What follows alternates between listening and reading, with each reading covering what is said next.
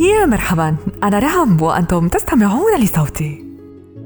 اليوم لدي قصة من منشور رأيته عبر صفحات التواصل الاجتماعي.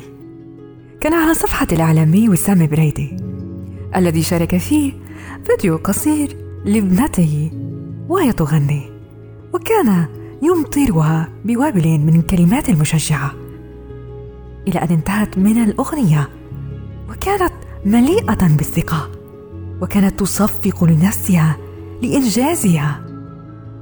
من الجميل أن نرى أثر التشجيع في النفوس الصغيرة والأجمل هو أن نحصد أثر ذلك التشجيع في النفوس الصغيرة عندما تكبر لأنها ستغدو وثقة لا يهزها شيء شميخة كالجبال.